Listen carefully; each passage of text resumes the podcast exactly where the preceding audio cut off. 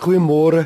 Dit is lieflik so vroeg in die oggend saam. Ek weet nie of jy op pad werk toe is of jy nou net opgestaan het. Ek weet nie waar jy nou luister nie, maar kom ons kom voor die woord van die Here.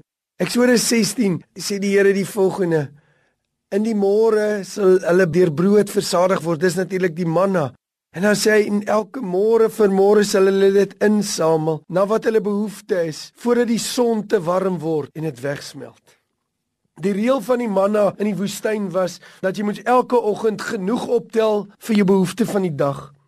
Maar dit moet vroeg in die oggend wees voordat die son te warm raak en dit wegsmelt.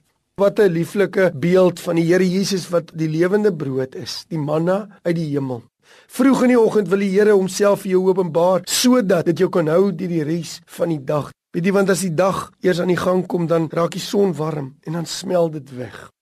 Dis goed om te oefen. Paulus sê vir Timoteus dis goed om jou liggaam te oefen, maar is beter om dit te oefen in God se saligheid. Ek het die gevoel ons oefen dikwels ons liggaam met die beste tyd, die tyd wat ons die manna moet optel voordat dit wegsmelt. Die Here wil jou ontmoet in die oggend. Die Here wil jou ontmoet en die lewende brood vir jou breek. Wil jy nie saam met my 'n bietjie vroeër opstaan nie? Die Here wil jou alleen kry. Hy wil sê kom samel in. Hy's die lewende brood wat homself vir jou wil breek vroeg in die oggend.